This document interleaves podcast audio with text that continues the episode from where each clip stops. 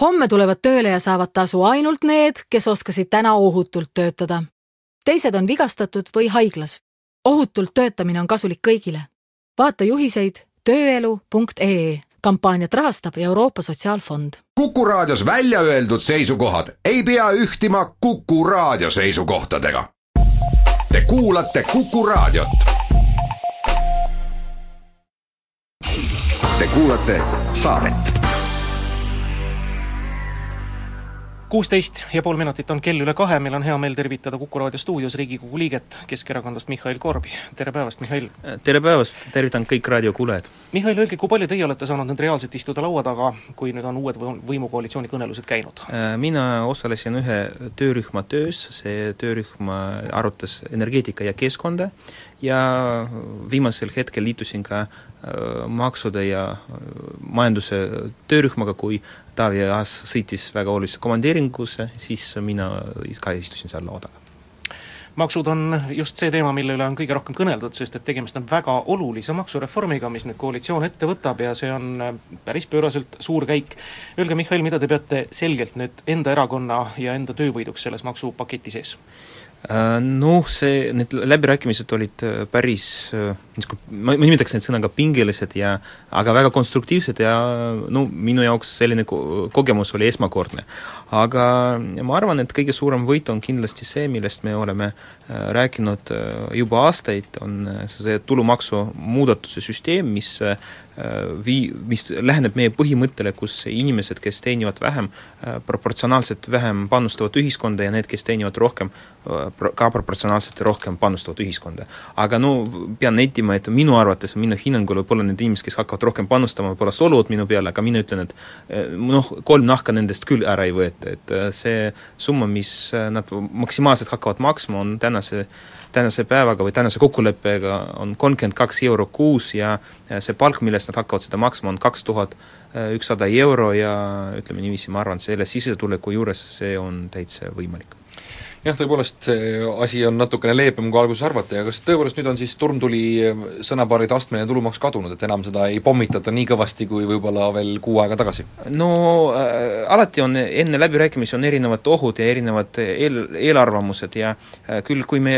kui meie läksime läbi rääkima äh, selle ja meie ettepanekud, et nad olid kindlasti natukene, no nimetame neid karmimaks, aga see ongi nagu äh, ilmselt läbirääkimiste võlu, et iga partner räägib oma äh, seisukohad välja ja siis leitakse mingi keskmine kompromiss, kompromiss.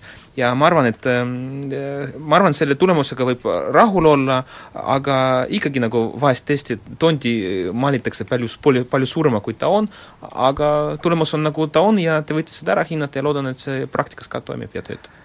Ja loomulikult see saavutab äh, kõige tähtsama eesmärgi, mis on selle asja taga, et äh, jätta inimestele, kes kõige rohkem äh, oma sissetuleku, sissetulekus suunavad tarbimisele, ehk inimesed hakkavad tarbima rohkem, kuna neile jääb rohkem raha ja see nagu aitab kogu ma-, majandust natukenegi elavdada, et mingil ringil. Ja loomulikult raha see juurde süsteemile ei too, et nagunii see kus, kuskilt ta kaob, et kus, kuhugi ta tuleb, aga loodame, et see niisugune ot-, müü-, müügi ja nagu otse kauplemine, väikse, no niisugused väiksed teenused pakutakse ja tarbitakse rohkem jah, nii palju, kui on juttu olnud, mitte küll väga palju ka, kõrgepalgaliste inimestega, neil ei ole tõesti kahju see kolmkümmend eurot kuus tõesti ära anda selle nimel, et kellelgi hakkaks sellest siselust parem, et ja tegelikult see piir on ju ikkagi üsna kõrgele seatud, kaks tuhat ükssada eurot teenivaid inimesi ei ole palju ja see, kes hakkavad raha juurde saama, ma saan aru, et on seitsekümmend viis protsenti palgasaajatest.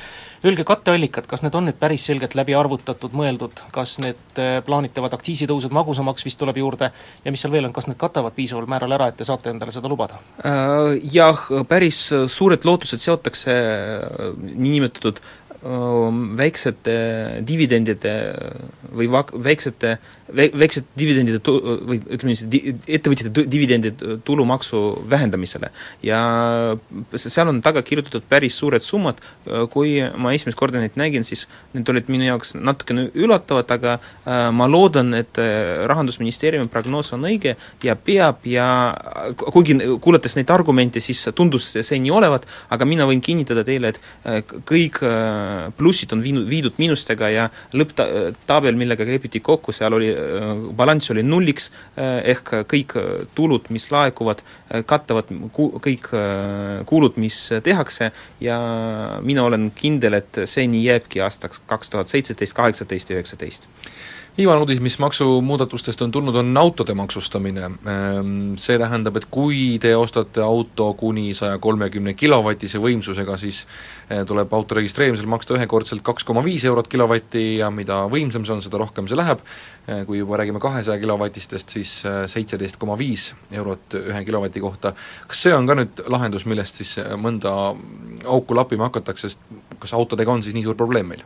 No pigem seda aktsiisi vaadatakse mitte ta-, tasuks või nagu augu lappimiseks, aga seda vaadatakse pigem ri-, reguleeriva tasuks, et regulatsiooni tasuks, et eesmärk on saavutada seda, et inimesed ostavad vähem võimsusega autosid ja või kui nad ostavad seda, neid autosid, mis nagu rohkem võimsamad, siis need maksavad ka, panustavad ühiskonda ka rohkem, sest noh, selge, et suurema võimsusega auto tarbib rohkem kütust, rohkem CO2 eraldised nagu mootorist tuleb ja ma arvan, see on, see on niisugune reguleeriv tasu selleks, et äh, meie keskkonda säästa ja äh, ma arvan, et äh, see, siin ei ole see eesmärk, et just seda, seda kogu, kogu, kogu, kogu poti nagu suurelt tähendada, aga kindlasti oma roll sellel maksul ka olemas.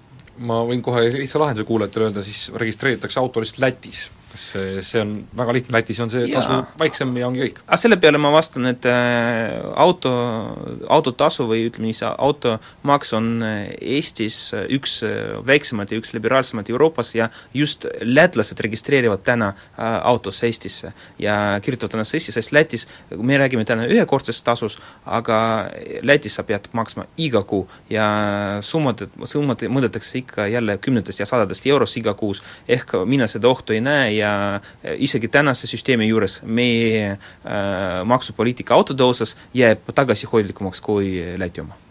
Mõni minut on veel poolest uudisteni aega, ega ma ei saa üle ega ümber ka ilmselt juba natuke kuulaja küsimusi ennetades, Mihhail, te olete küll Pärnus sündinud, aga lapsepõlve veetnud Kohtla-Järvel, seal koolid lõpetanud ja kuhu ma tüürin, on tegelikult see, mida siin eeskätt Keskerakonnal kõige rohkem on ette heidetud ja mida jäädaksegi ette heitma, see on see õnnetu leping Ühtse Venemaaga no mina parandaks kohe, see ei ole leping, see on protokoll, see on kavatsuste protokoll, see on ühe, üks A4 lehekülg äh, teksti, kus äh, kirjutatud teatud põhimõtted, mis äh, kindlasti ei riiva ühtegi inimese äh, huve või ühtegi inimesi nagu äh,, nagu maailmavaadet, aga mina ütlen, et aastaid selle lepingu raames ei ole mitte midagi toimunud ja lähiajal ka selgelt ei toimu aga mis takistab tegema niimoodi?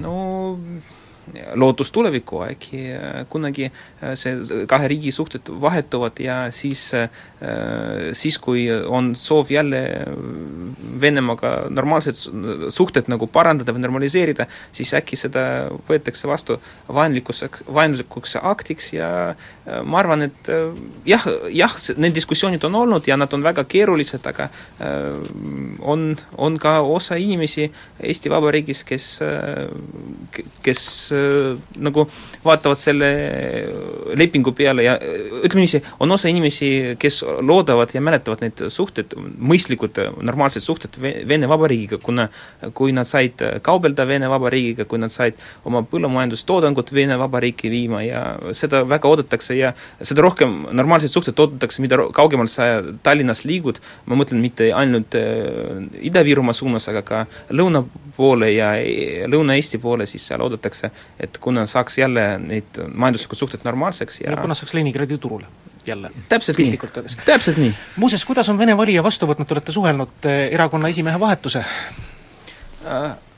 ettevaatlikult, ettevaatlikult mulle tundub, kindlasti küsitakse, äh, mis saab edasi ja mis, äh, kuidas, äh, mis on, mis on, mis jääb Edgar Savisaare roll erakonnas, aga no siin me ootame ka natukene tema sisendi, et mis Edgar Savisaar ise ütleb ja tänaseni ta ei ole kuidagi kongressi tulemust kommenteerinud ja oma arvamust väljendanud ja me kõik ootame seda, mis märgu ta annab ja kindlasti ükski muudatus ei ole lihtne ja kerge üle elada, aga ma arvan, et töö käib ja inimesed hindavad meie, meie tegevuse ja töö tulemused, mis me saavutame selle aja jooksul ja annavad selle kindlasti hinnangu tulevikus. Ja ma arvan, kui see, need töö tulemused on viljakad, siis ka see hinnang tuleb positiivne kahe sõnaga jõuame ministrikohtadest ka rääkida, tänane Postimees, tänane Postimees on pakkunud Mihhail Korbi taristu- ja energeetikaministriks. see on vist umbes jaa. neljas või? ja eile õhtul äh, Delfi ja ERR pakkus keskkonnaministri, enne seda pakuti vist ma-, lihtsalt majandus- ja taristuministri, enne seda Riigikogu aseesimees. tänase hetkeni kõik need jutud on ainult spekulatsioonid ja äh, ettepanekud. mina, mina ütlen, et mina ei tunne äh, ennast mugavalt ja hästi, kui minu nimega manipuleeritakse ja ma nagu, ma, see on minu isiklik võib-olla probleem, aga äh, mulle see isiklikult ei meeldi, aga äh, kui jagatakse tapmata karunahka, aga no mis ma teha saan? No vot, tapmata karunahka, aga kindlasti teate ka ilusat sellist väljendit, et äh, Marcel Kepik jääb õues. kas teil mingisugune soov on reaalselt kusagil valdkonnas ministrina tööle hakata? Äh, mina siiamaani olen tegutsenud rohkem äh, majandusvaldkonnas, ma olen majanduskomisjoni liige. aseesimees. Noh, see on jälle tiitel ja amet, aga see, see amet on mulle hingelähedane, ma olen sellest, seda erialat õppinud, kindlasti olen päris palju kokku puutunud Tallinna linna majanduseluga ja korraldanud, kui olen seal, kui, kui olen erinevates Tallinna linna ametites töötanud, et see valdkond mulle südamelähedane, kindlasti ka no, pean oluliseks sotsiaalvaldkonda, sotsiaalvaldkonna arengut ja selle nii, nii-öelda kogukonnade ühenemine või üht, üht, ühtimine Eestis, need on need teemad, mis on minu jaoks olulised ja neid, nendega ma tegelen jätkuvalt, sõltumata sellest, mis positsioonid ja mis ametid või mis, mis, mis kohal ma olen, aga mul on erinevates valdkondades on seisukohti ja on mõtted, mida ellu viia ja mina olen kindel, et nüüd tänases uues elu, olukorras on palju asju saab muuta ja teha neid paremaks, sõltumata sellest, mis positsioonis või mis ametis sa oled, see on hea võimalus Keskerakonnale näidata kogu, kogukonnale, et Eesti kogu, Eestimaa inimestele, et me oleme ka võimelised väga hästi Eesti elu korraldada ja paremaks, kui ta siiamaani olnud ja ma arvan, see on hea võimalus ja endalt ma, ennast ma vaatan kogu suure süsteemi ühe osana, uue tiimi ühe liikmena ja mitte midagi enamat saatesse toob pühade meeleolu Nurmiko jõulutäht. õitseb vähemalt veebruarini. Vox Populi kolmkümmend neli minutit on kell üle kahe, Vox Populi aeg on käes, et on reede, on meil pikem Vox Populi, täna on külaline Mihhail Korb, riigikogu liige, majanduskomisjoni aseesimees ja samuti siis koalitsioonikõnelustel kaasa löönud oma ideede ja mõtetega, telefon stuudios kuus kaks üks neli kuus neli kuus, kuhu on teretulnud teie küsimused, rõhutame just nimelt küsimused, mitte kommentaarid. helistaja on liinil, tervist! tervist!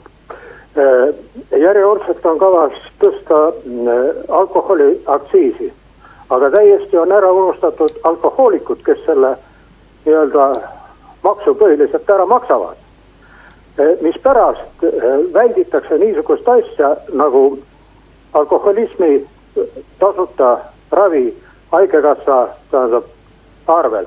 samas kui ütleme niisugused inimesed nagu narkomaanid, eks ole, kes tegelikult sooritavad kuriteo, eks ole, neid ravitakse.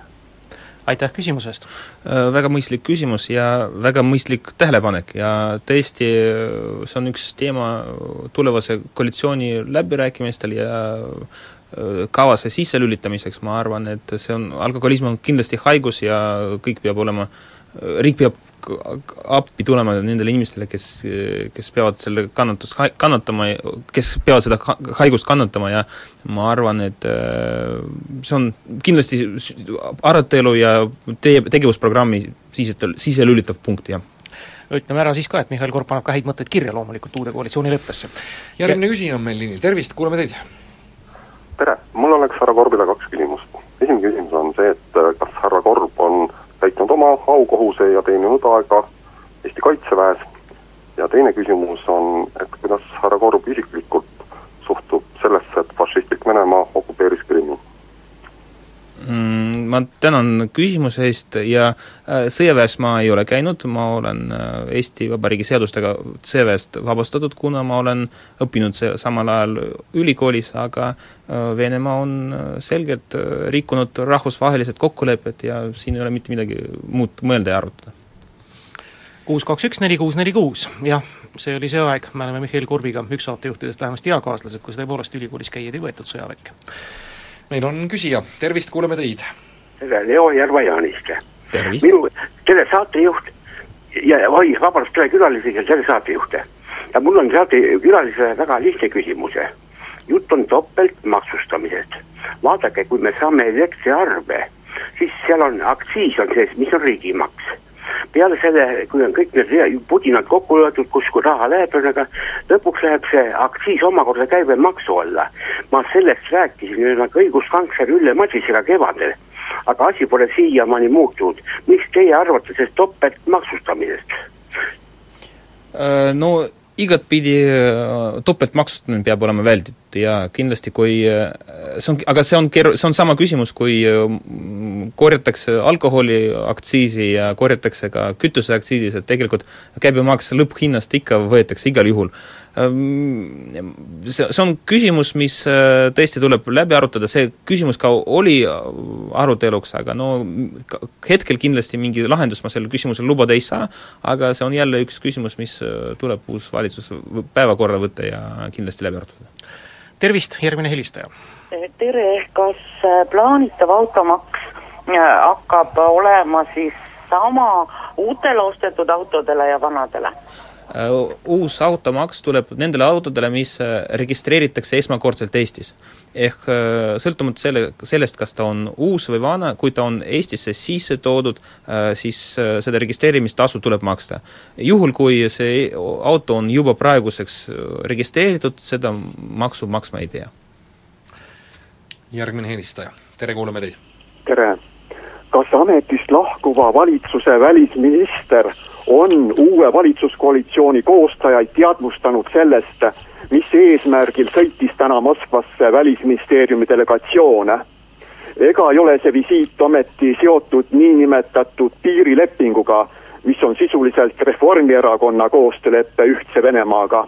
teiseks, kas Välisministeerium on üldse aruandekohustuslik Riigikogu väliskomisjoni liikmete ees kui tuletada meelde viiendat novembrit tuhat üheksasada üheksakümmend kuus, ei teadnud Riigikogu sellest, et välisminist-, et minister Siim Kallas sõitis visiidile eesmärgil, et Eesti Vabariigi välispoliitika põhimõtetest lahti öelda. küsimusega piirdume, jah, aitäh Äh, tänan küsimuse eest ja vot sel Välisministeeriumi ametnikest, äh, ametnike visiidist konkreetselt ma ei tea mitte midagi, ütlen ausalt teile, äh, võib-olla nad erine-, kindlasti arutavad seal olulisi asju, mis puudutab nende aruande kohustust, siis kindlasti minister pidevalt käib välis äh, Äh, väliskomisjonis ja pidevalt annab aru oma tegevustele ja oma seisukohtadele ja ma arvan, et see on alati laua peal, kõik, kõik diskuteeritakse läbi enne, kuhu, kui minister läheb kuhugi välja, ehk äh, kõik asjad kindlasti väliskomisjoniga läbi arutatakse.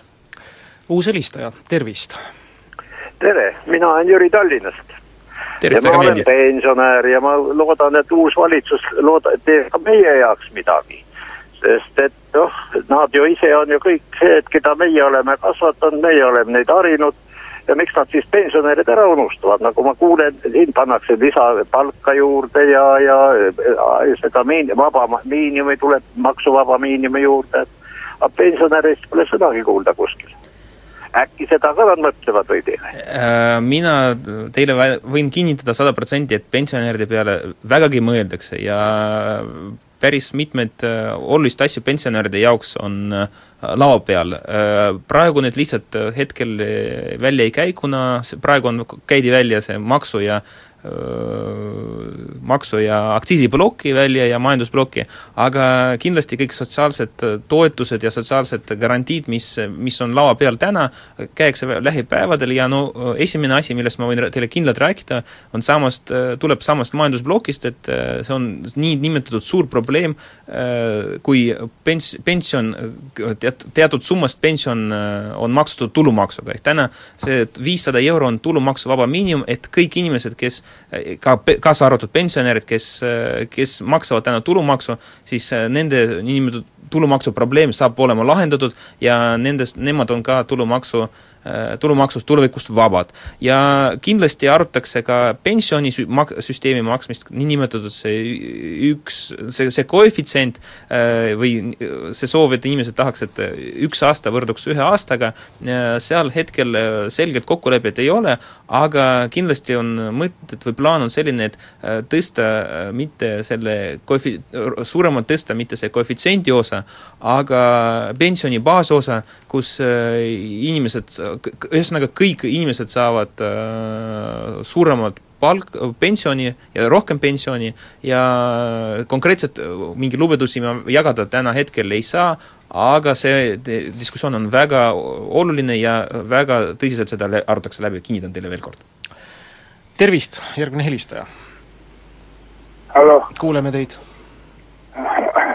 mind huvitab, kas härra Korb, miks Äh, on eestlane või räägib nii kehva eesti keelt, paluks, kas ta täiendab ennast? Äh, tänan teid küsimuse eest, ma täiendan ennast pidevalt, no mul ei tekkinud siiamaani probleemi teiste inimeste arusaamisega ja oma mõtete väljendamisega, mina küll ei pöö oma keeleoskuse üle. ja mina ka siin härraga nõus ei ole, ma usun, et Robert ka mitte. härra Korbi eesti keelel ei ole midagi ette heita. kuulame järgmist küsijat, jah. tere! kunagi aastaid tagasi oli niisugune suur üleskutse valitsuse poolt, et, et või lubadus, et, et hakata maksma emapensioni. et ehm, kuhu see on üleüldse kadunud ja kas ta, kas ta kunagi üldse lauale enam satub või, või mis sellest saanud on?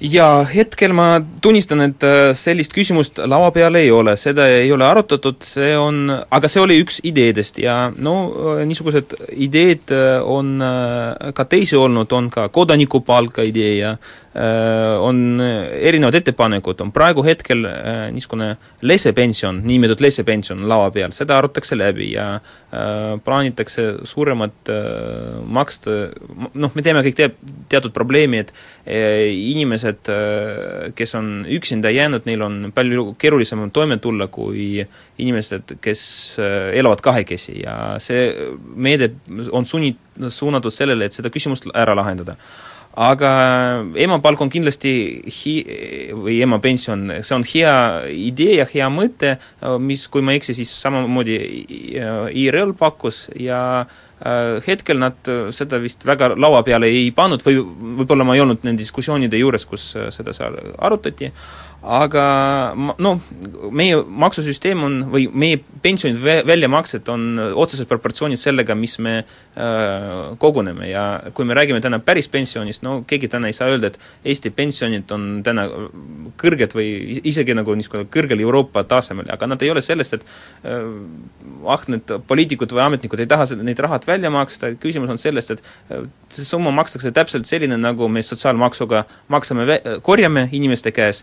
Ja ütleme niiviisi, keegi seda raha, isegi natukene rohkem makstakse, et pensionikassa on nat-, pensionifond on natukene miinuses ja me maksame natukene rohkem, mõnesada, sada, isegi mõnesada miljon vist euro välja makstud rohkem, kui see on tänaseks hetkeks korjatud ja ma arvan, see on Äh, niisugune probleem, et me, äh, me, meie majandus just peaks kasvama selles suunas, et oleks äh, kõrgemad inimeste sissetulekud, siis meil on võimalused, erinevad head programmid ja head plaanid välja töötada, kus me maksame erinevad sotsiaalmaksud, erinevad toetused ja kindlasti pensioni su-, suurendame ja siis maksame ka emapensioni ja aga see on ikka, kõigepealt sõltub sellest, kuidas meie majandus areneb ja kuidas meie inimesed, kes töötavad igapäevaselt, kuidas nemad teenivad ja kui kõrged palgad nad teenivad. Vox Populi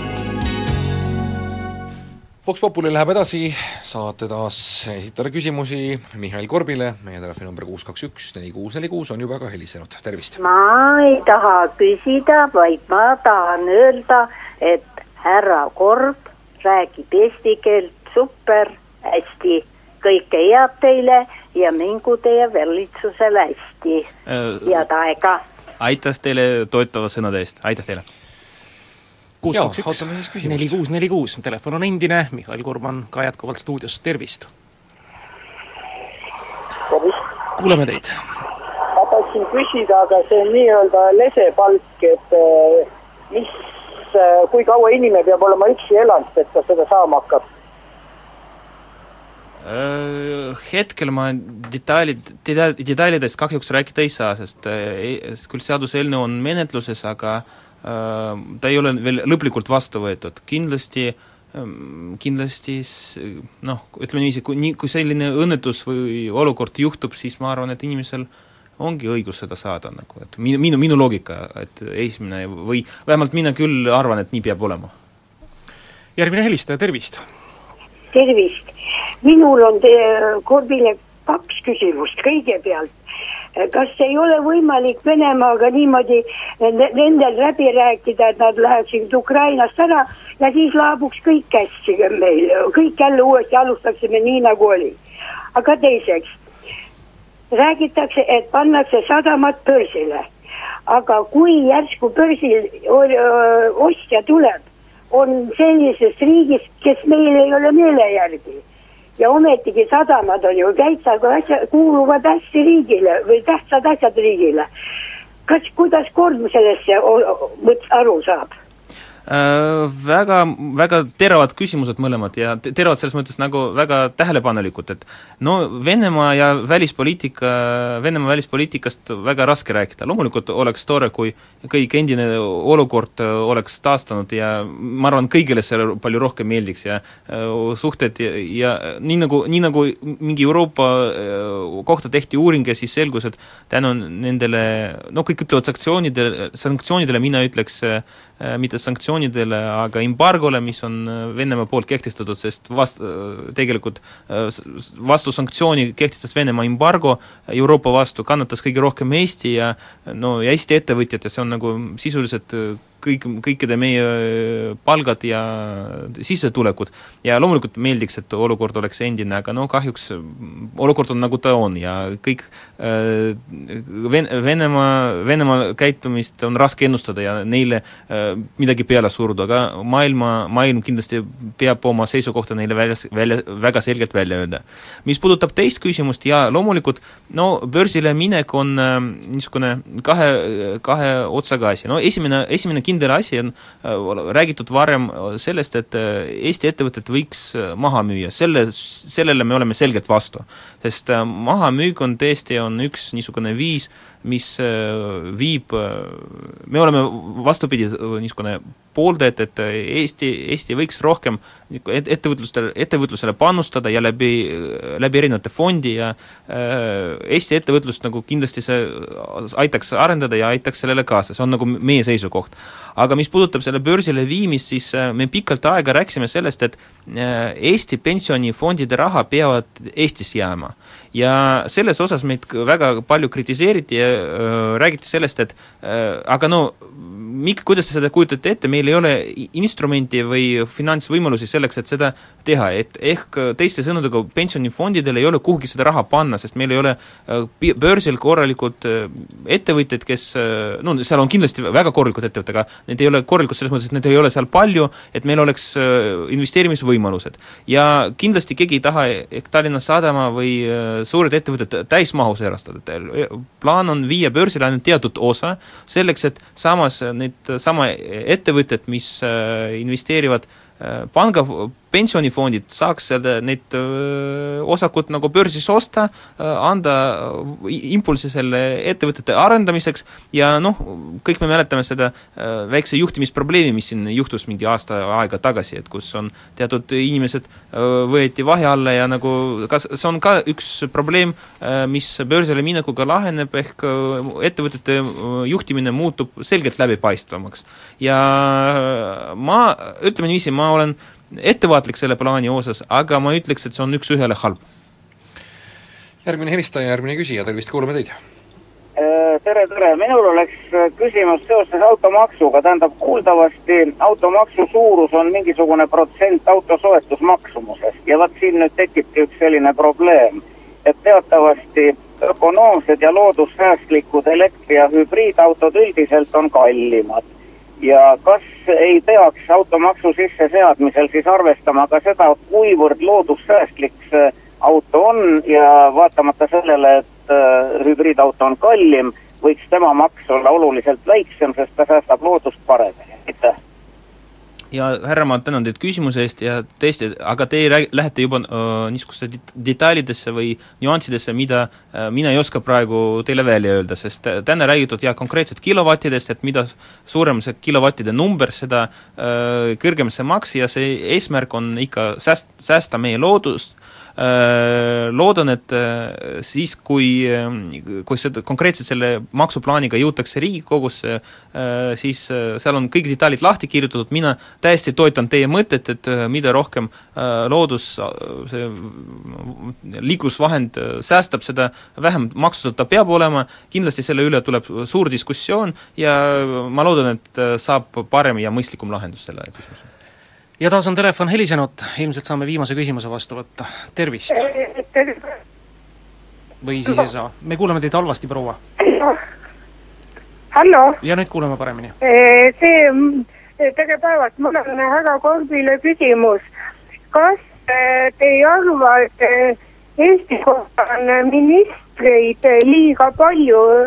Kersti Kaht tegi Reformierakonnale ettekirjutuse, et riigireformiks, aga rääkis nüüd Tallinna Televisioonis ka, et äh, selge, öelge küsimus palun, meil hakkab aeg lihtsalt otsa saama. ma, kas ei arva, et võiks ministreid vähem olla, et ettevõtlusminister võiks ära jääda ja ja sotsiaalkaitseministri tööd või ja tervishoiuministri tööd võiks ka üks inimene teha. aitäh aitäh küsimuse eest! Ja mina võin kindlalt öelda, et Eestis on küll natukene palju bürokraatiat, see on üldine probleem, äh, kas see väl-, kas lahendab, kas lahendus on sellest, et äh, ministrikohti vähendada, no äh, siin võiks diskuteerida ja arutada, aga see, et bürokraatiat on palju, see on selge ja sellega, sellega tuleb tegeleda, et seda bürokraatiat oleks vähem, kuigi ma kujutan ette, on riigi, kus seda on tunduvalt ja tunduvalt rohkem suur tänu teile, Mihhail Korb, täna tulemast, kas te teate mingisugust ajakava või päevaplaani, kas me saame millalgi ministrit teada ja millal nüüd kõik need koalitsioonileppe punktid avalikustatakse, kas pärast teie volikogusid äkki saame täna juba midagi teada?